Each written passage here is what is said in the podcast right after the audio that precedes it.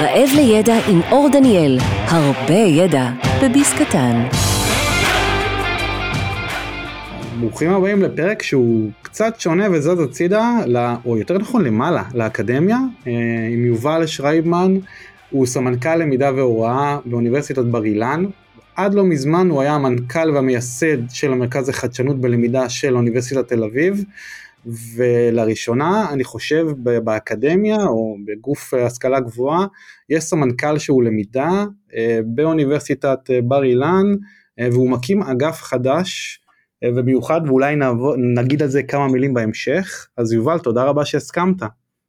תודה רבה מאוד להתארח בפודקאסט שאפשר כבר להגיד הפופולרי והמוכר בתחום שלנו כיף להיות פה. באמת שוב תודה שהסכמת, אני ממש מעריך את הזמן שלך, אני יודע שזה בטח גם תקופה מטורפת להקים אה, אגף חדש. לפני שנצלול רגע על הנושא הגדול הגדול של, אה, שלשמו בעצם אה, פניתי אליך, לדבר קצת על טאו אונליין ואיך הכל קרה שזה סיפור מרתק ויוצא דופן, מה האתגר הכי גדול שלך עכשיו באוניברסיטה? להקים, להיות סמנכ"ל ראשון של למידה והוראה, נראה לי משהו שהוא פורץ דרך שוב. אמ, אני חושב ש... במילה אחת, בסופו של דבר במגזר הציבורי, הסיפור הוא משאבים, ואני מנסה לעשות את השיפט במחשבה לזה שהוראה ולמידה זה אירוע תשתיתי. זאת אומרת, מדובר פה על לבנות תשתית שהיא לא חייבת להיות רק אה, טכנולוגית, אלא, אלא להקים בעצם את הצוות, להקים את המערך הניהולי שיתמוך בכל הנושא הזה של הוראה ולמידה. זה ממש אני מרגיש שאני צריך לעשות שינוי חשיבה, שבקרב ההנהלה של האוניברסיטת בר אילן הוא, הוא כבר קרה, כי, ובגלל זה הם הביאו אותי, אבל גם אה, להמשיך עם השינוי הזה לשאר אה, האנשים שפועלים בתוך הארגון, זה האתגר המרכזי. וגם אה, חבר'ה מי שרוצה אני מניח ששווה לכם להתחבר אליו ברשתות החברתיות כי בקרוב הוא מגייס בכמויות אה, די רציניות. אה, אז רגע לפני כל הדברים והצלילה תספר קצת לאנשים אה, על הרקע שלך, מאיפה אתה מגיע, איך הגעת בכלל לעולם הזה ואיך, אה, ואיך הגעת לטאו אונליין, להקים דבר כזה. אז אני באמת מסוג האנשים שעשה שינוי קריירה מבלי שהוא ידע שהוא עושה שינוי קריירה.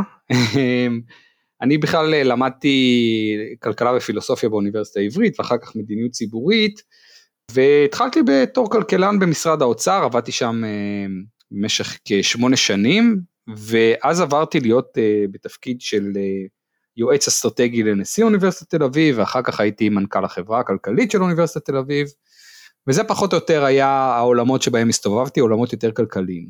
ואז יום אחד נשיא אוניברסיטת תל אביב קיים עוד אחד מסדרה של פגישות עם פרופסור דפנה קולר המייסדת של חברת קורסרה המפורסמת, היא ישראלית והיא ייסדה את החברה הזאתי, ומי שלא מכיר, חברה שהתחילה את uh, כל תופעת המוקים, אה, שתומאס אה, פרידמן המפורסם שכתב את העולם שטוח ב-2012 הכריז בניו יורק טיים שזוהי שנת המוק וחשבו שבגלל הקורסים המקוונים של אוניברסיטאות העילית יישארו רק עשר אוניברסיטאות בעולם. הסיפור הזה עשה disruption מטורף וגרם לנשיאים של אוניברסיטאות שמעוניינים לדבר רק על מחקר, לעסוק רק במחקר ורק זה מעניין אותם, גרם להם לעסוק גם בנושא של הוראה ולמידה, וככה דפנה קולר הייתה באיזה road trip ונפגשה עם נשיאים של אוניברסיטאות ישראליות. ואני זומנתי לפגישה הזאת, ופשוט לא האמנתי שדבר כזה קורה. זאת אומרת, פשוט כאילו מישהו הסית וילון וחשף אותי לעולם שלם, שפשוט לא הכרתי, שזה גם יזמות, גם חדשנות, גם איזשהו פוטנציאל לשינוי חברתי, שזה משהו שאני מאוד התחברתי אליו, זה היה עם אימפקט, זה היה משהו, אתה יודע, כאילו מישהו מספר לך על העתיד.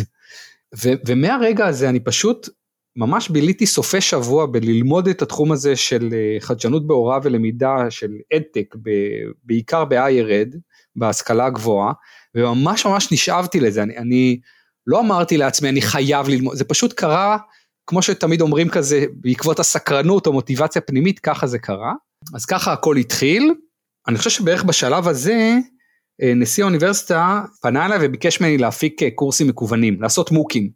עכשיו אני, ברגע שהתחלתי לקרוא, הבנתי שזה אירוע די גדול, ולא ידעתי איך, איך להגיד לו שאני לא רוצה לעשות את זה, זאת אומרת, ממש ניסיתי להוריד אותו מזה. והוא, והוא, אתה יודע, נשיא יכול להפעיל עליך הרבה לחץ, ואז אמרתי, רגע, איך אני אוריד אותו מה... איך אני אוריד אותו מזה? כסף. אמרתי לו, תשמע, אדוני הנשיא, פרופסור יוסי קלפטר, אני אעשה את השלושה מוקים הראשונים של אוניברסיטת תל אביב, נהיה פורצי דרך בישראל, אבל אני רוצה 100 אה, אלף דולר לכל אה, מוק. להפיק כל קורס אני רוצה 100 אלף דולר. עכשיו הנשיא הזה היה לו פראייר, והוא היום גם אה, קיבל לפני שנתיים, הוא חתן פרס ישראל בכימיה. הוא אמר לי, אין בעיה, יש לך את הכסף. ופה הבנתי שהסתבכתי. כי באמת לא ידעתי מה אני עושה, וזה בערך הייתה הפעם הראשונה שנתקלתי במקצוע הזה של מעצבי למידה או מפתחי הדרכה או כל הדברים האלו. ישר התחלתי לגייס את האנשים האלו, ופשוט יצאנו למסע הזה של להקים את הקורסים המקוונים הראשונים של אה, אוניברסיטת תל אביב, וזה היה משוגע, זאת אומרת ה impact של, של הווירליות, של, של היכולת לעשות scale באונליין, היא משהו שהאוניברסיטה לא הבינה. בעצם בתוך זמן קצר היו לי הרבה יותר תלמידים מאשר יש בכל אוניברסיטת תל אביב. עכשיו זה נכון ש-95% לא מסיימים את המוקים, אפשר להגיד עליהם הרבה מאוד דברים, אבל משהו באימפקט ובחשיפה ובסיפורי לומדים ובזה שלמדו אותנו מ-170 מדינות בעולם, כולל מדינות ערב, היה פשוט הראה לי את הפוטנציאל. ומפה העסק המשיך להתגלגל למקומות אחרים לגמרי. אני, יש לי קודם כל כל כך הרבה שאלות, אז קצת קשה לי רגע לדעת לאן לפנות, אבל בעצם מה שאני לוקח מזה, זה שהיה פה אדם יוצא דופן, שאמר בוא קח, אתה פנה אליך, אתה אמרת, זרקת מספר יחסית גבוה לאוניברסיטאות, 100 אלף דולר, מי ישקיע כזה דבר בקורס בזמנו, אה, והוא אמר לך כן, למרות שאפשר להגיד כאילו רגע, זה, זה עוד כלום, כלומר להפיק קורס כזה זה עלויות אה, גבוהות בטירוף, יכול להיות שזה גם אפילו מגיע ל-200, 300, 400, גם 500 אלף דולר בשקט. אה, הפקה של קורסים אה, דיגיטליים למי שלא יודע זה המון השקעה של כוח אדם, תשומות, כספים, משאבים, זה, זה, זה המון. אה, ויש פה כל כך הרבה שאלות. אז הם לקחתם את החדשנות הזאת, ו, ו, אבל, אבל איך באמת הוקמה טאו אונליין? היום זה כאילו מעצמה, מה היו הצעדים הראשונים, מה היה שם בבסיס הסיפור? אמרת, והתחלת לגייס אנשים, שם היה ההצלחה, איך, איך, איך זה קרה? אני רק אשלים עוד אנקדוטה משעשעת, אה, לימים ות"ת מל"ג נכנסו בצורה מאוד אינטנסיבית לתחום הזה שלוש שנים אחרי והם פרסמו מכרז שכל אוניברסיטה יכולה להפיק מוקים ב-400 אלף שקל. אם שאלת את עצמך איך נהיה 400 אלף שקל זה חוק מספרי הזהב של השירות הציבורי, ה-100 אלף דולר כפול 4 שהיה בערך אז יצא 400 אלף שקל ויצא זה ואם הייתי יודע הייתי באמת מבקש יותר כי כמו שאמרת זה אירוע הרבה יותר יקר. בעצם בשלב הזה הסתכלתי על כל התהליך הזה ואמרתי מה הבעיות הגדולות שהיום יש למערכת ההשכלה הגבוהה ובמה אני רוצה להתמקד. ובעצם המערכת ההשכלה הגבוהה מחולקת נגיד לשלוש בעיות המרכזיות. אחד זה בעיית הכניסה לאוניברסיטה, זאת אומרת שיש בעיה של הנגשת ההשכלה הגבוהה.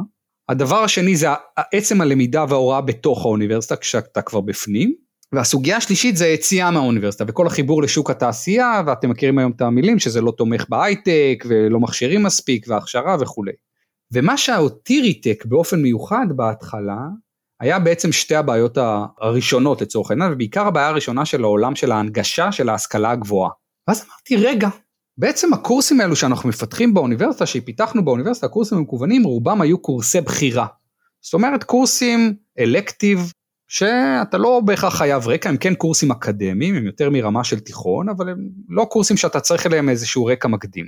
ואמרתי, מה יקרה אם בעצם אה, נחבור לתיכונים במדינת ישראל, ונאפשר לתלמידי תיכון ללמוד את הקורסים האלו כחלק מהלמידה לבגרות, כחלק מלימודי אה, חמש יחידות או, או שתי יחידות, לא משנה, לבגרות. ועם הרעיון הזה בעצם הקמנו את אה, מה שקראנו לו תיכון אקדמי מקוון, ונוצרה לנו שותפות נהדרת אה, ביחד עם המזכירות הפדגוגית במשרד החינוך, הייתה שם סגנית המזכירה, אה, גברת בשם דליה פניג, שהיא פשוט היה לנו חיבור מדהים, הכרנו אגב בתוכנית שנקראת אה, מובילים דיגיטליים, של ישראל דיגיטלית, וביחד בנינו תוכנית הכשרה למורים שרוצים ללמד את הקורסים האלו בתיכון, והמפמ"רים, אני לא יודע אם אתם מכירים את המונח המוזר הזה, זה לכל מקצוע יש מפמ"ר, מפמ"ר פיזיקה או מפמ"ר כימיה, המפמ"רים נתנו לנו את האישור שהקורסים האלו אכן יוכרו כחלק מה, מכל התהליך הזה. ופאסט פורוורד נהייתה לנו קהילה של כל שנה הכשרנו משהו כמו 400 מורים ללמד את הקורסים האלו תוך כדי התיכון. וזה הלך לנו בצורה מדהימה, אבל עדיין האימפקט לא היה מספיק אה, משמעותי, ולכן הוספנו לזה עוד שני רכיבים משמעותיים. אחד, הקמנו את עיר אקדמית, זאת אומרת במקום לקחת 400 מורים בודדים מרחבי מדינת ישראל, פנינו לראש עיר, עשינו איתו שותפות, ואז הליווי למורה שמלמד את הקורסים האלו לאורך השנה היה הרבה יותר אינטנסיבי. עשינו עיר אקדמית בדימונה ועיר אקדמית בבת ים, ובסופו של דבר יש פה תלמידי תיכון שצברו לא מחוננים, לא כאילו האלו שתמיד החשודים המיידיים, שצברו קרדיט אקדמי לפני שהם צברו אה, אה, תעודות בגרות. זה היה, זה פשוט, זה אנשים שאני אומר לך, זה אנשים שהיו, בכלל לא שמו את אוניברסיטת תל אביב כאופציה, זה היה נראה להם מעבר להרי החושך, והם היום שמים אותה כאופציה, ואני מקווה שיבחרו ללכת אליה, וזה כמובן ייתן להם אופק תעסוקתי הרבה יותר מרשים. והמדרגה הנוספת, כדי לעבוד על האמילי, אני מה יוצא לי מזה, של תלמידי התיכון, עשינו, יצרנו מסלול קבלה לאוניברסיטה שמבוסס על הקורסים המקוונים האלו. זאת אומרת, בעצם עשיתי שיחה עם הנשיא והרקטור ושאלתי אותם, תגידו, מה המנבא הכי טוב של הצלחה אקדמית? אז הם אמרו לי, תראה, פסיכומטרי, מי שיש לו מעל 700 הוא אחלה, אין, אין ספק, אבל המנבא הכי טוב של הצלחה אקדמית היא הצלחה אקדמית, זה טאוטולוגיה. אז אמרתי להם, אוקיי, אז מי שעושה את הקורסים המקוונים שלנו, אבל מגיע פיזית להיבחן באוניברסיטה, יש לנו את האינדיקציה הכי טובה למסוגלות שלו, הם אמרו נכון. אז פתחנו באוניברסיטת תל אביב מסלול קבלה שמבוסס על הצלחה בקורסים מקוונים. עכשיו, זה עושה כמה דברים מדהימים, אחד אתה לא צריך פסיכומטרי, זאת אומרת חסכתי לך 6,000 שקל, הורדתי את המכשלה הכלכלית, שתיים, אתה יכול להיות שתעשה קורס ואתה תבין שאתה בעצם רוצה ללמוד מקצוע אחר, התחלת ברפואה ואתה בעצם רוצה קולנוע או וייס ורסה. והדבר השלישי, הקרדיט כבר נצבר לך, זאת אומרת כבר התחלת לצבור את הקרדיט לאוניברסיטה, זה ווין ווין ווין. והסיפור הזה כבר קיים היום ב-60% מהפקולטות באוניברסיטה, ואני חושב שהחשיבה ההוליסטית הזאת, זאת אומרת לחשוב על המורה, כמוביל השינוי, התלמיד, מה יוצא לו מזה, ראש העיר, האוניברסיטה, לעשות את כל, ה, את כל ההיקף הזה, זה בעצם האסטרטגיה שיצרנו, והיא באה לפתור בעיה מאוד ספציפית של הנגשת ההשכלה הגבוהה. זאת אומרת, אנחנו ככה בטאו אונליין כל פעם תקפנו איזושהי בעיה וניסינו ליצור איזשהו, להקיף אותה מכל הכיוונים כדי לנסות לתת לה אה, פתרון. יש לי גם פה הרבה שאלות זה קודם כל זה נשמע מטורף אבל אני אומר לעצמי איך גופים כאלה נקרא להם כבדים ואיטיים פתאום מאפשרים שזה יוכר כנקודות זכות כי נגיד היום גם אחרי שהקורונה כבר שינתה את העולם והלמידה מרחוק פתאום חזרנו לעובדה שכדי לקבל קרדיטציה ו-80% נוכחות אתה חייב להגיע פיזית. לא משדרים את זה גם משדרים וגם במקום כלומר עדיין החוקים מאוד נוקשים ואיך קרה. מסכימים ללמד ילדים, איך המפמ"רים uh, הסכימו שזה יהיה בתוכנית הלימודים, להזיז מפמ"ר, להכניס חומר לתוכנית הלימודים זה אירוע, של, אנשים שלא מכירים זה אירוע, איך אנחנו גורמים ל... כלומר זה נשמע לי פה שיש פה סוד של איך טיפלת בכל ההתנגדויות האלה, מה, מה הסוד פה? אמ, אז אני לא יכול להגיד שהלך לי קל. זאת אומרת באמת גופים שמרניים הם לא מרוע הם מתוך האינרציה הם נורא קשה לעשות שם את השינוי זה באמת אה, נורא נורא קשה. אבל העשר הניסיון המאוד רחב שיש לי במגזר הציבורי והשותפויות בסוף הכל זה אנשים ושותפויות אה, זה מה שאפשר לי לעשות את השינוי וגם תמיד אני בחרתי את המלחמות שלי. אני אתן לך דוגמה מאוד טובה ממה שאתה אמרת. נגיד הקורסים נלמדו באופן אה, מקוון או היברידי, המורה בכיתה עשה פליפט קלאסרום אה, וכולי. אבל אני בחרתי שהבחינה תהיה עדיין פיזית באוניברסיטה, כי ידעתי שהמלחמה הזאת היא מלחמה אחת יותר מדי שאני לא יכול לנהל אותה. אבל לצד זאת בחרתי לנהל מלחמה משעשעת אחרת. הרי אם תלמיד בכיתה י' צובר קרדיט אקדמי והוא עושה אחר כך שלוש שנים תיכון ואחר כך שלוש שנים צבא ואחר כך טיול בהודו ועוד פעם טיול בזה בהודו, בעצם נוצר מצב שאם הקרדיט היום תקף לחמש שנים, הוא חוזר והקרדיט כבר לא תקף לו. אז אני באתי להנהלת האוניברסיטה, ואמרתי להם שאני חושב שקרדיט צריך להיות תקף לכל החיים. הם ממש לא הבינו מה, מה אני רוצה מהם, ואמרתי, תשמעו, אם יש פיזיקאי שעובד באיזושהי חברה, אז יכול להיות שהוא ממשיך ללמוד מעצמו, אבל התואר שלו בפיזיקה הוא התואר מלפני 10, 20 ו-30 שנה. הוא לא, התואר שלו לא מאבד תוקף.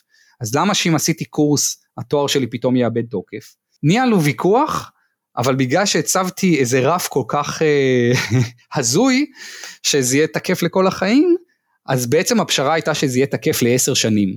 וככה אותם תלמידי תיכון, גם כשהם אה, יעשו את הטיול בהודו, הם יכלו לחזור ו, ועדיין הקרדיט שלהם יהיה תקף. אז תמיד במגזר הציבורי אה, זה לבחור את המלחמות שלך ולמצוא את השותפים ולחזור, וגם משאבים כמו שציינתי בפתיח שלי. אז, אז אני לא יודע אם זה סוד, אבל, אבל ככה אני פעלתי. לא, האמת שזה מדהים, האמת שזה גם גרם לי לחייך ו- וקצת לצחוק, כי כאילו אני אומר לעצמי, אז אם אני רוצה להיכנס לדו שיח או משא ומתן, בסדר? משא ומתן עם uh, גוף מאוד קשה, אני אלך על הבלתי אפשרי ואז הם ייתנו לי את האפשרי הרבה יותר ממה שרציתי לבוא איתו מלכתחילה, כי כלומר, היית יכול לבוא בוא ניתן להם עשר שנים את הזמן ההגיוני מלכתחילה, שאולי הם יתחילו ללמוד. ואמרת אני אלך רחוק ואתן להם לכל החיים. אז אני חושב שדווקא זה היה אחלה נקודה של משא ומתן איפה להתחיל את המשא ומתן כן נכון. אני חייב להודות ש, שברמה האישית אני גם באמת האמנתי בזה ו- ולכן יכול להיות שזה אני באמת מאמין שקרדיט צריך להיות תקף לכל החיים. זאת אומרת הצגתי את זה רק כטקטי ופוליטי שיש בזה 50 אחוז כזה אבל יותר אני חושב שיותר קל לך לבוא לאירועים האלו אם אתה באמת קצת משוגע. זאת אומרת הם, כשהם הסתכלו עליי הם ראו מישהו שבאמת מאמין שקרדיט של קורס צריך להיות תקף לכל החיים. ואז הם אמרו אוקיי כאילו אם הייתי עושה רק פייק איט אני לא יודע אם זה היה עובד אני, אני עד היום מאמין אגב אני אצליח בזה יום אחד כשאני אבחר את המלחמה הזאת אני מקווה. אני, אני חייב לשאול עוד שאלה כאילו ש, שדי חייבת לזוז פה בין, ה, בין, ה, בין המשפטים בין המילים בין הדברים היפים האלה שאנשים שמקשיבים לנו ורוצים גם נגיד לזה לא משנה באיזה ארגון הם נמצאים והתקציבים הם כמו שאמרנו מאוד גדולים. כלומר לעשות למידה ברמה גבוהה זה המון המון המון הוצאות. וגם פה עשית פרויקטים עם ערים עשית פה כל מיני דברים מיוחדים. אבל מאיפה התקציב לזה? איך מימנת אה, את הדברים האלה? כי אני לא, לא יודע עד כמה זה אה, רווחי להכשיר 400 מורים אה, להעביר אה, אה, ללמד קורסים שלכם.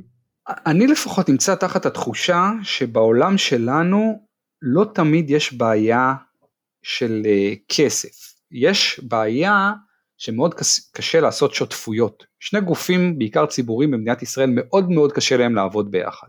הרי אם תסתכל על התקציב של אה, משרד החינוך, זה תקציב משוגע, יש להם, אני יודע מה, 70 מיליארד שקל, משהו, זאת אומרת זה לא שאין להם כסף למשרד החינוך, אבל, אבל אתה צריך לספר איזשהו סיפור רותם ולמצוא שותף מתאים שמסוגל לתמוך באירוע הזה. וכשנגיד מל"ג ות"ת נכנסו עם קול קורא של 400 אלף שקל, אז זה, זה היה מאוד מאוד משמעותי. כמובן שלצד זה אני גם גייסתי תרומות, גם משאבים פנימיים מתוך הארגון, גם מצאתי איזשהו מודלים עסקיים כאלו ואחרים ותמיכה כזאת ואחרת. באמת שניסינו לעבוד בכל הערוצים. הרבה פעמים הרגשתי כמו סטארט-אפ במגזר הציבורי, זאת אומרת כל מי שמקים סטארט-אפ במגזר העסקי או בציבורי כל הזמן עובד על הסיפור הזה של משאבים, של אתה מפרנס אנשים, אה, ואתה צריך לקום בבוקר ולהבין שאתה חייב לחשוב שנה או שנתיים קדימה.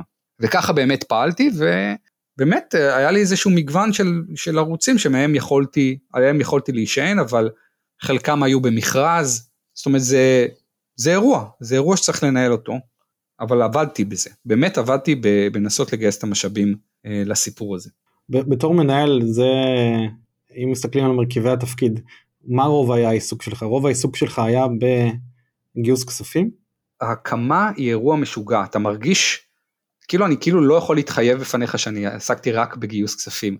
יש איזו תחושה שכשאתה המנהל והמייסד אתה עוסק בהכל ב-100%. זאת אומרת 100% מהזמן עסקתי בגיוס כספים, 100% הזמן עסקתי באסטרטגיה ולחשוב מה השותפויות והפיתוחים הבאים שעשיתי, בטאו אונליין גם התעסקנו בהקמה של מיינד יוקייט, מרכז מחקר מבוסס מדעי המוח, נכנסנו לעולם הסטארט-אפים עם ה EdTech, עשינו עוד הרבה מאוד אה, דברים ברמה האסטרטגית, נושא של ניהול עובדים, גיוס עובדים, ממש הרגשתי שאני עוסק בכל אחד מהדברים האלו ב-100% משרה, וזה גם בא לידי ביטוי. בשעות העבודה שלי אה, בארגון. אה, כמו כל מי שהוא אה, משתגע על, אה, על הקמה של משהו, כל מי שעבר את האירוע הזה מבין שהשנים הראשונות הן משוגעות. אז כן, אז, אז זו הייתה תשובה ארוכה, גם עסקתי במשאבים, גם בגיוס עובדים, ש, שאגב בימים אלו הפך להיות אה, מה קרה לאנשי הלמידה וההוראה, ההייטק גילה אותם. אה, אני אבקש מההייטק להפסיק לגלות אותם ושיחזיר לנו אותם. סתם זה דבר טוב, זה דבר טוב שקרה לשוק הזה. למי שלא מבין על מה אנחנו מדברים, אתה אומר שבעצם השוק העסקי וההייטק גילה את האנשים האלה והם אה, הפכו להיות קריטיים בארגון, זה מה שאתה אומר?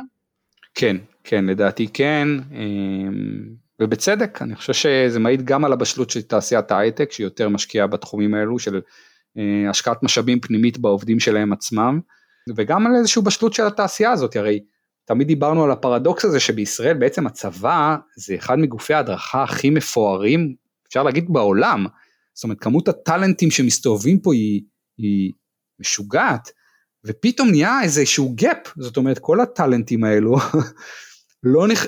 כאילו משהו קורה והם ב- בישראל לא מתפתחת תעשיית אדטק משוגעת כמו שחשבנו שצריכה להתפתח, ואני מקווה שלאט לאט תהיה יותר בגרות ויציבות של השוק. אני חייב להודות שלנו יש אחריות, לנו האוניברסיטאות יש אחריות בזה שהתעשייה הזאת לא התפתחה ואני מקווה שנוכל לשפר אמ, את, ה, את התמיכה שלנו בסיפור הזה. מעולה. אני, אני רוצה לצלול לקרביים של הלמידה פה, גם של, של טאו אונליין, של, של, של מה שעשיתם שם בעצם.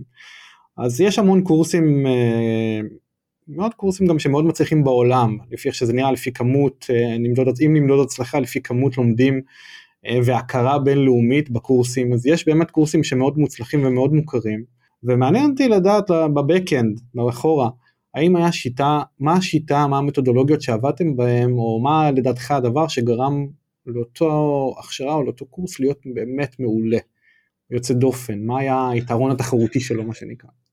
אני תכף עוד ארצה לגעת גם בנושא הזה של אה, הפרדוקס של האוניברסיטאות, אבל לפני זה אני, אני אענה לך על השאלה לגבי הקורס הבודד. בעצם אני חושב שזה שאני לא הבנתי כלום בהוראה ולמידה נתן לי איזושהי נקודת מבט מרעננת על התחום. ואני אמרתי כשהתחלנו לפתח את הקורסים המקוונים ראיתי שהמרצים לא מבינים מה אני אומר והרי גם למרצים זה נשמע אבסורד אז אמרתי אני מבקש לבנות טבלת אקסל של 6 על 6 על 6. זאת אומרת, אני אמרתי למרצה תדמיין לעצמך טבלת אקסל שכל מודולה מורכבת משש דקות וכל שיעור מורכב משש מודולות של שש דקות. אז זה 6 על 6 על 6. שישה שיעורים שמורכבים משישה מודולות של כל אחד שש דקות. שבהתחלה יש פתיח, אחר כך במודולה השנייה יש מרצה אורח, אחר כך במודולה השלישית יש צילום חוץ, במודולה הרביעית למידה והוראה פרונטלית וכולי. העיקר לשבור את ה talking head. וברגע שיצרנו את המסגרת האקסלית הזאת שאחר כך היא הפכה לשמונה על שש כי שישה שיעורים זה היה קצר מדי אבל שמונה שיעורים כבר אפשר היה לעשות את הקורס הרבה יותר מהודק ולעניין אפשר לנו בעצם לעשות קורסים ופרויקטים שהסתיימו, כי תמיד בפרויקט הזה שיש לך גם לכתוב את התסריט, גם לצלם, גם לערוך, גם לעלות לפלטפורמה זה בלתי נגמר, אבל בעצם הפיצוח הראשוני הזה בצורה של טבלת אקסל היא זאת שאפשרה לנו להפוך את הקורסים האלו למאוד אני חושב טובים, והדבר השני הכי מהותי זה שהבאתי צוות מנצח, פשוט צוות מדהים של מפתחים ועורכי וידאו שיצרו באמת קסמים, עובדה שהקורס שלנו כך, חלק מהקורסים שלנו ממש הגיעו לטופ העולמי. אה, אני לא רוצה לנקוב בשם של אף קורס כדי לא להסתכסך עם מרצים ו- ועם המפתחים, אבל באמת שנוצרו קורסים מעולים, שכמובן הם נשענים על הטאלנט של המרצים, כי בחרנו מרצים מעולים, אבל גם המעטפת שעשינו והעובדה שהמרצים הרגישו לא לבד, עזרה מאוד. אז ברשותך, אם אני, אם כאילו אני מפרק את זה לגורמים, ואני אומר, אז קודם כל מצאתם את הדרך לשנות את, ה, את הצורה של התוכן ואת הזמן שהתוכן מועבר בו ל-6 על 6 ול-8 על 8 כמו שאתה אומר באותה טבלת אקסל. בחרתם את המרצים שהם מרצים שהם כאילו טאלנטים או מיוחדים שיש להם איזשהו משהו אחר. הצוות עבד בצורה מאוד מאוד אינטנסיבית אני מניח וגם עם המון כישרון על הדברים. אז יש פה הרבה הרבה הרבה מרכיבים מאוד שונים אה, שנשמע ששיחקו בתוך זה. אז בוא נצלול למשהו שהתחלת להגיד לגבי הפרדוקס של, ה, של האקדמיה. מה, מה זה הפרדוקס של האקדמיה? הרי, הרי בסופו של דבר הקורסים המקוונים הם קורסים uh, מקוונים אבל זה, זה אמצעי וזה לא מטרה והמטרה שלנו אם שרטטנו בהתחלה שיש בעיה של כניסה לאוניברסיטה בתוך האוניברסיטה ואחרי האוניברסיטה אז, אז רצינו להיכנס לבתוך האוניברסיטה ויצרנו סוכני שינוי, אבל היה לנו מאוד קשה להיכנס לתוך האוניברסיטה. ולמה? כי בעצם כל מי ש... שלמד באוניברסיטה או עובד באוניברסיטה מבין שהגוף הזה הוא אמנם עושה שני דברים, שזה מחקר והוראה ולמידה, אבל בעצם רק המחקר חשוב. זאת אומרת ששני פרופסורים נפגשים, הם לרוב ידברו על המחקר שלהם. כאשר הנשיא פוגש פרופסור, הוא לרוב ישאל אותו על המחקר שלו. האינסנטיבים הכלכליים, האינסנטיבים המיתוגיים, הנראות, הגאווה, זה הכל מתוך המחקר, וזה כאילו ארגון שעל הדרך עושה הוראה ולמידה. אין שם שום, יש הדרכה ויש צוותים שמלווים, אבל זה כאילו לא נחשב. אבל אם חושבים על זה לעומק, כך נגיד אוניברסיטת תל אביב, זה ארגון של 25 אלף סטודנטים, בר אילן זה 20 אלף סטודנטים, 5,000 מרצים, 6,000 קורסים, זה, זה כמו קידום וג'ון ברייס ו-you name it ביחד, ו, וזה ארגונים שהתשומות התשתיתיות והתשומות הניהוליות שהוקדשו לדברים האלו הם יחסית אה, נמוכים, אני קורא לזה הרבה פעמים פירמידה הפוכה, זאת אומרת אתה הולך לאוניברסיטה יש להם רשות מחקר, הרשות שמלווה את החוקרים מאוד אינטנסיבית, אגף כספים, אגף משאבי אנוש, אגף שיווק, אבל התחום שמתעסק בהוראה ולמידה לרוב יהיה מעט אנשים באיזה חלקיות משרה שהם טכנו-פדגוגיים כאלו ואחרים. זאת אומרת אין, לא הייתה תפיסה שהוראה ולמידה באוניברסיטה היא משהו שיש לנהל אותו. זאת אומרת היו הרבה מאוד ועדות שהתעסקו במה לומדים, הגיעו ועדות בינלאומיות שהיו מאשרות לך את תוכנית הלימודים בפיזיקה, אבל הם לא עסקו באיך לומדים. ובואו ב-2022 כולנו יודעים שהאיך זה הכי חשוב ולא רק המה. אז הפרדוקס הזה שבעיניי הוא, הוא, הוא, הוא בעיצומו, זאת אומרת הוא לא נפתר, אני לא מרגיש ש, ש, שההוראה והלמידה נמצאים במקום הנכון להם. אני, אני חייב להגיד אנקדוטה על זה, כאילו ב... אם מסתכלים על מה שאתה אומר גם על, הפר, על הפרדוקס של האקדמיה, קודם כל אם, יש כמה נקודות מבט על זה של בעצם מה התפקיד האקדמיה, האם התפקיד שלה לחקור או ללמד. בוא נניח שתפקידה גם ללמד. דיברתי על זה בפרק אחר עם, אה, עם אה, פרופסור אלמוג אה, ודוקטור תמר אלמוג, עוז אלמוג ותמר אלמוג שהם כתבו את כל שקרי האקדמיה, אבל, אבל ספציפית הפרדוקס שאתה מדבר עליו הוא שבגופים מאוד גדולים כמו אוניברסיטאות אוקיי, או מכללות או לא משנה מה, שתכליתם ללמד, כן, אתה אומר כמות לומדים 20 אלף, והצוותי למידה והוראה שלהם, או למידה והתפתחות שלהם הם שניים שלושה אנשים, ברוב המקומות דרך אגב, בהרבה מקומות זה אחד, כלומר שהם לא יכולים באמת לעשות למידה ברמה גבוהה או לעשות עיבוד ברמה מאוד גבוהה, כמו שאנחנו מצפים, ודרך אגב הפרדוקס הזה נמצא גם בחברות עתק, דיברת קצת על עתק מקודם, כלומר אני אומר יש סטארט-אפים שמיועדים להיות, להתעסק בחינוך, או מתיימרים לעשות למידה והתפתחות בארגונים כאלה ואחרים. ואז אתה הולך ומגיע אליהם ואתה מוצא שיש אחד שניים שבאמת מקצועיים בתחום ו- וזה בעיה אחרי שגם דיברנו על זה, מעניין לשאול אצלך, עכשיו באגף החדש שאתה מקים באוניברסיטת בר אילן, כמה אנשים מיועדים להיות אצלך, כמה אתם אמורים uh, להתחיל את המהפכה שם? אז ככה, אז היום יש לי בעצם אה, עשרה עובדים בשני מרכזים איכותיים שקיבלתי תחת אה, ידיי, שאחד זה המרכז לקידום הוראה של דוקטור קרין גולדפרד, והמרכז השני הוא של גברת גילה גוטנברג שמתעסק במודל, ואנחנו כמובן רוצים אה, לגדול בצורה משמעותית. אני לא יכול להגיד מספר מדויק, כי המספר שלי איש בראש הוא אה, כמה עשרות טובות. אה, נראה לאן אני אצליח להגיע. תשמע, הרי כדי לתמוך באותם 20 אלף סטודנטים, 5,000 מרצים, 6,000 קורסים ואולי יותר, הרי אוניברסיטת בר אילן זה האוניברסיטה הצומחת ביותר בשלוש שנים האחרונות, הם, הם ממש נמצאים בעלייה, ויהיו עוד סטודנטים, אני חושב שמספרים קטנים פשוט ישאירו אותנו תמיד במקום של כיבוי שריפות. ואם אנחנו רוצים להשתמש במילה מוזרה שנקראת אסטרטגיה וחזון, ובאמת לנסות, אני קורא לזה לגעת באש, לנסות לשנות את ההוראה והלמידה בתוך האוניברסיטה, ממש להיכנס לתוך הכיתה, איך נעשה את זה עם עשרה פלוס אנשים? אנחנו לעד נישאר במקום שהם רק מכבה שריפות ורק מתעסק בפרויקט כזה או אחר.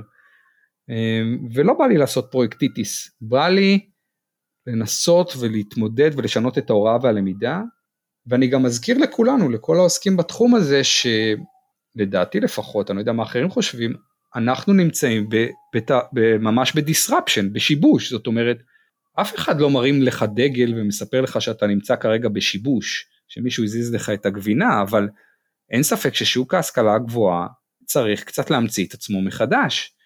יש ציפייה של הסטודנטים לחוויית למידה אחרת, מותאמת אישית במובן מסוים, שאנחנו צריכים לספק להם אותה. אנחנו צריכים לספק להם אותה גם תוך כדי האוניברסיטה וגם לעזור להם יותר בחיבור לשוק התעסוקה. ואני חושב שאנחנו צריכים להיות שחקן אקטיבי אה, גם בכל הצירים האלו, אחרת פשוט לדעתי האוניברסיטאות לא יודע כמה זמן הם יחזיקו במודל הנוכחי. אני מסכים, אני מסכים עם כל מה שאמרת, אה, אני, אני אגיד גם שאתה יש אה, מונח, אני אוהב להשתמש בו אצלי גם, כשאני עושה קורס, אני אוהב לקרוא לו קורס יישומי, או שאני מפתח גישה, גישה יישומית, אז פה אקדמיה יישומית ככל הנראה, כלומר אנחנו רוצים לקבל הכשרה או השכלה שתשרת אותנו בעולם העבודה, בסופו של דבר אנשים הולכים ללמוד כדי לקבל מקצוע, אני חושב, היום לא רבים שהולכים כדי ללמוד אה, את הרוח, זה מאוד מעטים, אז מה שאתה אומר הוא מאוד רלוונטי ומאוד נכון ובאמת גם משיחות צעד אני, אני אומר אנשים היום בוחרים למידה לאו דווקא במקום אולי הכי, הכי מדהים אלא במקום שמאפשר למשל. גם למידה מרחוק גם להגיע למקום. במקום שנותן להם חוויה אחרת שהמרצים באמת אה, הוכשרו ללמד ועושים להם איזושהי למידה היברידית. כלומר אתה, אתה צודק לגמרי ובאמת זה עתיד. ו, ואני רוצה גם לקפוץ לעוד משהו מעניין שיצא לנו לדבר עליו בשיחה קודמת אה, לי ולך זה על העניין של אה, למידה מבוססת נתונים. אשמח בכמה מילים ממך על זה. אמ, אני מרגיש שבתוך העולם הזה של הוראה ולמידה באוניברסיטה מסתובבים הרבה מאוד נתונים. אני, אני, אני חושב שאני נמצא בשלב כל כך מוקדם שאני אפילו לא, לא רוצה לספר פה על איזה דרמה של מה, מה אני אעשה עם כל הנתונים האלו, אבל הרבה פעמים לפחות ככה אני חושב, עצם התחלת האיסוף והניסיון להסיק מסקנות מה, מהנתונים הוא כבר עושה איזשהו שינוי בתוך המערכת. אני כן יכול לתת דבר אחד מיידי שהוא התעסקות בנשירה. אה, באוניברסיטאות יש נשירה שהיא גם גלויה וגם סמויה. אני חושב שאיסוף נתונים בצורה יותר מתודולוגית על, ה, על האירוע הזה של הנשירה, הרי האוניברסיטאות משקיעות הרבה מאוד כסף בשיווק ולהביא סטודנטים, אבל אם אחר כך סטודנט עובר מפקולטה א' לפקולטה ב', שווה להבין מה קרה בסיפור הזה ואיך אנחנו יכולים, מה אנחנו יכולים להסיק מה, מהדבר הזה. הנתונים אגב הם רלוונטיים גם כמובן למה עושים הבוגרים שלנו בהמשך עם המקצועות ואיך נתאים יותר את תחומי הלימוד לתחומי העיסוק האחרים.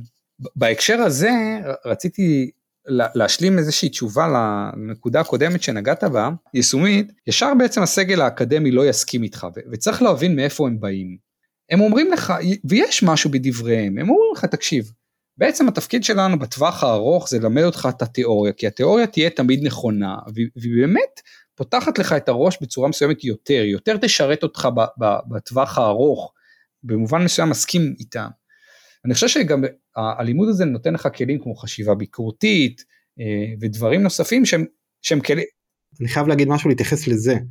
אני לא נגד, אני מאוד מאמין, אני מאוד חושב שזה גם נכון, אני גם מכיר את הטיעון הזה שהתיאוריה תמיד תהיה נכונה ובשביל זה צריך ללמד את התיאוריה. הבעיה שאם מלמדים את התיאוריה ללא יישום שלה, אז היא לא רלוונטית כי אתה לא תזכור אותה, אתה לא תדע להשתמש בה או שאתה לא תשתמש בה בצורה נכונה. אם אני לומד איזושהי תיאוריה, אני חייב להתנסות בה בצורה כלשהי, אני חייב לעבור איזה שהם סימולציות, איזה שהם תרגולים, משהו, כל דבר. רוב הלמידה היא אה, מורה עומד מדבר, היא פרונטלית, היא חד כיוונית, היא לא מערבת, היא לא גורמת ללומד לעשות עיבוד של המידע באיזשהו שלב. ולכן הטיעון הזה הוא היה יכול להיות מאוד טוב אם היו מלמדים אותי תיאוריה שאני אדע להשתמש בה. אני ממש מסכים איתך, ממש אה, לקחת לי את ההשלמה. סליחה, אני מצטער. שבאמת, לא, לא, לא, זה, זה, זה, זה, זה ממש נפלא, כי בעצם מה שאני מנסה לדבר עם חברי הסגל, אני אומר להם, למה שלא נהיה בעולם של גם וגם? אתם לא נדרשים לעכשיו לעבור מעולם של ללמד תיאוריות לעולם של ללמד רק פרקטיקה. אדרבה, אם תלמדו גם תיאוריות וגם אה, למידה פעילה ולמידה מעשית ותסבירו למה הדברים מתחברים, יקרו שני דברים. אחד, כמו שאתה אומר, זה ייחרט הרבה יותר טוב אצל הלומד, כי בעצם רק כשאתה לומד פעיל, כמו שאנחנו לומדים ממדעי המוח, אה, זה, הלמידה נחרטת והופכת להיות משמעותית, וגם התיאוריות שאתם רוצים לקדם יצאו נשכרות, כי בעצם יזכרו גם אותם אה, אחר כך גם בשוק העבודה וגם באופן כללי לחיים, ל-lifelong learning. זאת אומרת, אני כל הזמן מנסה לכוון אותם לגם וגם, ולא צריך לוותר על התיאוריות. יש להם כבודה במקום המונח. לצד זה, בואו נעשה למידה פעילה, ונכניס את הרלוונטיות. אנחנו לא פה באקווריום. יש בחוץ מציאות, ו- וגם פיזיקאי רוצה להתחבר למציאות בחוץ, או כימאי, או, או מי שזה לא יהיה. אני, אני רק אגיד גם בהקשר הזה, ש, שלומדים, אתה יודע, אני, אני מסתכל גם על תוכניות לימוד של אוניברסיטאות ו, ומכללות, לא, לא משנה, גוף אקדמי כזה או אחר, והבנייה של המסלולי למידה, נקרא להם תואר, קודם כל מאוד ארוכות, שלוש ארבע שנים מאוד ארוך, וגם שזה בעיה מאוד קריטית ב, ב, בימינו כלומר אה, שלוש ארבע שנים זה, זה מאוד קשה הדברים קצת השתנו בשוק אבל מאוד ארוכים ואתה אומר הרבה פעמים גם שאתה יוצא סטודנטים יוצאים מה, מהלימודים וסטודנטיות שכמה דברים היו לא רלוונטיים. זה רק מראה גם על העניין של התוכנית לימודים. הכי בעייתי אה, שאפשר, שאפשר להגיד שהלימוד, שמפתחים מסלול למידה בתואר יש קורסים וכביכול הם אמורים להיות מקהל לקשה וכביכול הם אמורים לדבר אחד את השני אבל הם לא הם מאוד מודולריים כלומר אה, כל אחד יכול לעמוד בפני עצמו אם אני אלמד אותו לא משנה באיזשהו הקשר הוא, הוא עומד בפני עצמו הוא לא מתחבר לאחר. ואין פה flow אחד שבאמת אינטגרטיבי נקרא לזה שנותן לי ומכשיר אותי למשהו מאוד ספציפי לביצוע עבודתי או ביצוע תפקידי או ביצוע כל דבר כזה או אחר מאוד מודולרי הש, השאלה שאני בא, להגיד אולי קצת מתקיל אני לא מתכוון האם אתם מתכננים גם לעשות חשיבה על זה עכשיו? ממש ממש. זה זה תראה אני, אני לא בדיוק um, מסכים עם כל מה שאמרת אבל אני מאוד מסכים עם רוח הדברים. כי בעיניי רוח הדברים שמה שאמרת היא, היא איפה המקצוע של מפתחי למידה זאת אומרת הרי מה עושה מפתח הלמידה או, או ה-instructional designer מעצב הלמידה או, או, או כל איך שלא תגדיר אותו? הוא בעצם רוצה לצמצם את הפער בין מה רצו שילמדו בקורס בין מטרות הלמידה לבין חוויית הלמידה בפועל. ובעצם גם אפשר להרחיב את זה לתואר בין מה רצית שהתלמיד ילמד לבין מה הוא לומד בפועל. עכשיו תמיד יהיו פערים אבל אין ספק שהמעצבי למידה ומפתחי הדרכה מאוד יכולים לצ... לעזור לנו לצמצם את, ה... את הפערים האלו. ואנחנו ממש רוצים לעבוד על הסיפור הזה ולהתרכז ב... אתה יודע, ברגע שנצליח להקים את האגף, את כוח האדם, יהיה אפשר אפילו לדבר לא רק על הוראה, אלא גם על משהו שנקרא למידה, או חוויית למידה, איפה ה-UX, UI של האירוע שנקרא למידה, ממש להיכנס זווית המבט של הסטודנטים. אגב, אה, אז Moodle 4.0 באמת עשתה את ה shift הזה והיא עכשיו הרבה יותר מכוונת, ממש הם שינו, יש שם ראיון עם המנכ"ל שהם ממש מנסים להיות מכוונים לחוויית הלמידה של הלומד ולא של המרצה. זה ממש mind shift. ואני חושב שגם אנחנו צריכים להקים מערכות שלמות של תמיכה שעושות את מה שאתה אמרת, של להסתכל על חוויית הלמידה מהזווית של הסטודנט. כן, כמו שאמרת גם מקודם, אני חושב שאתם, אה, שעולם האקדמיה בכלל הוא ב disruption מאוד גדול, במיוחד, ונכנס אליו עוד, אני חושב שלא, שזה רק התחיל. לגבי, אה, אז אני, אני אשאל אותך שאלה שאני שואל כל מרואיין או מרואיינת בפודקאסט, זה איך אתה לומד משהו חדש? יש לי משהו שכשאני נכנס ללמידה אני מאוד, אני מאוד אוהב להיות אה, אסוציאטיבי. אני, אני מאוד לא מכריז על עצמי עכשיו אני לומד, הנה אני כרגע, אלא אני פשוט נותן שנייה למוח הנודד שלי לנדוד, אני מתחיל, אה, לקליקים והכישורים מתחילים לרוץ, ומדי פעם המסע הזה, לקחת את הגלשן ולגלוש ברחבי הרשת, מביא אותי לדברים אה, נחמדים, ואני עם הזמן למדתי כאילו להבין שיש אה, גבול לכמה אפשר לקלוט בגלישה אחת.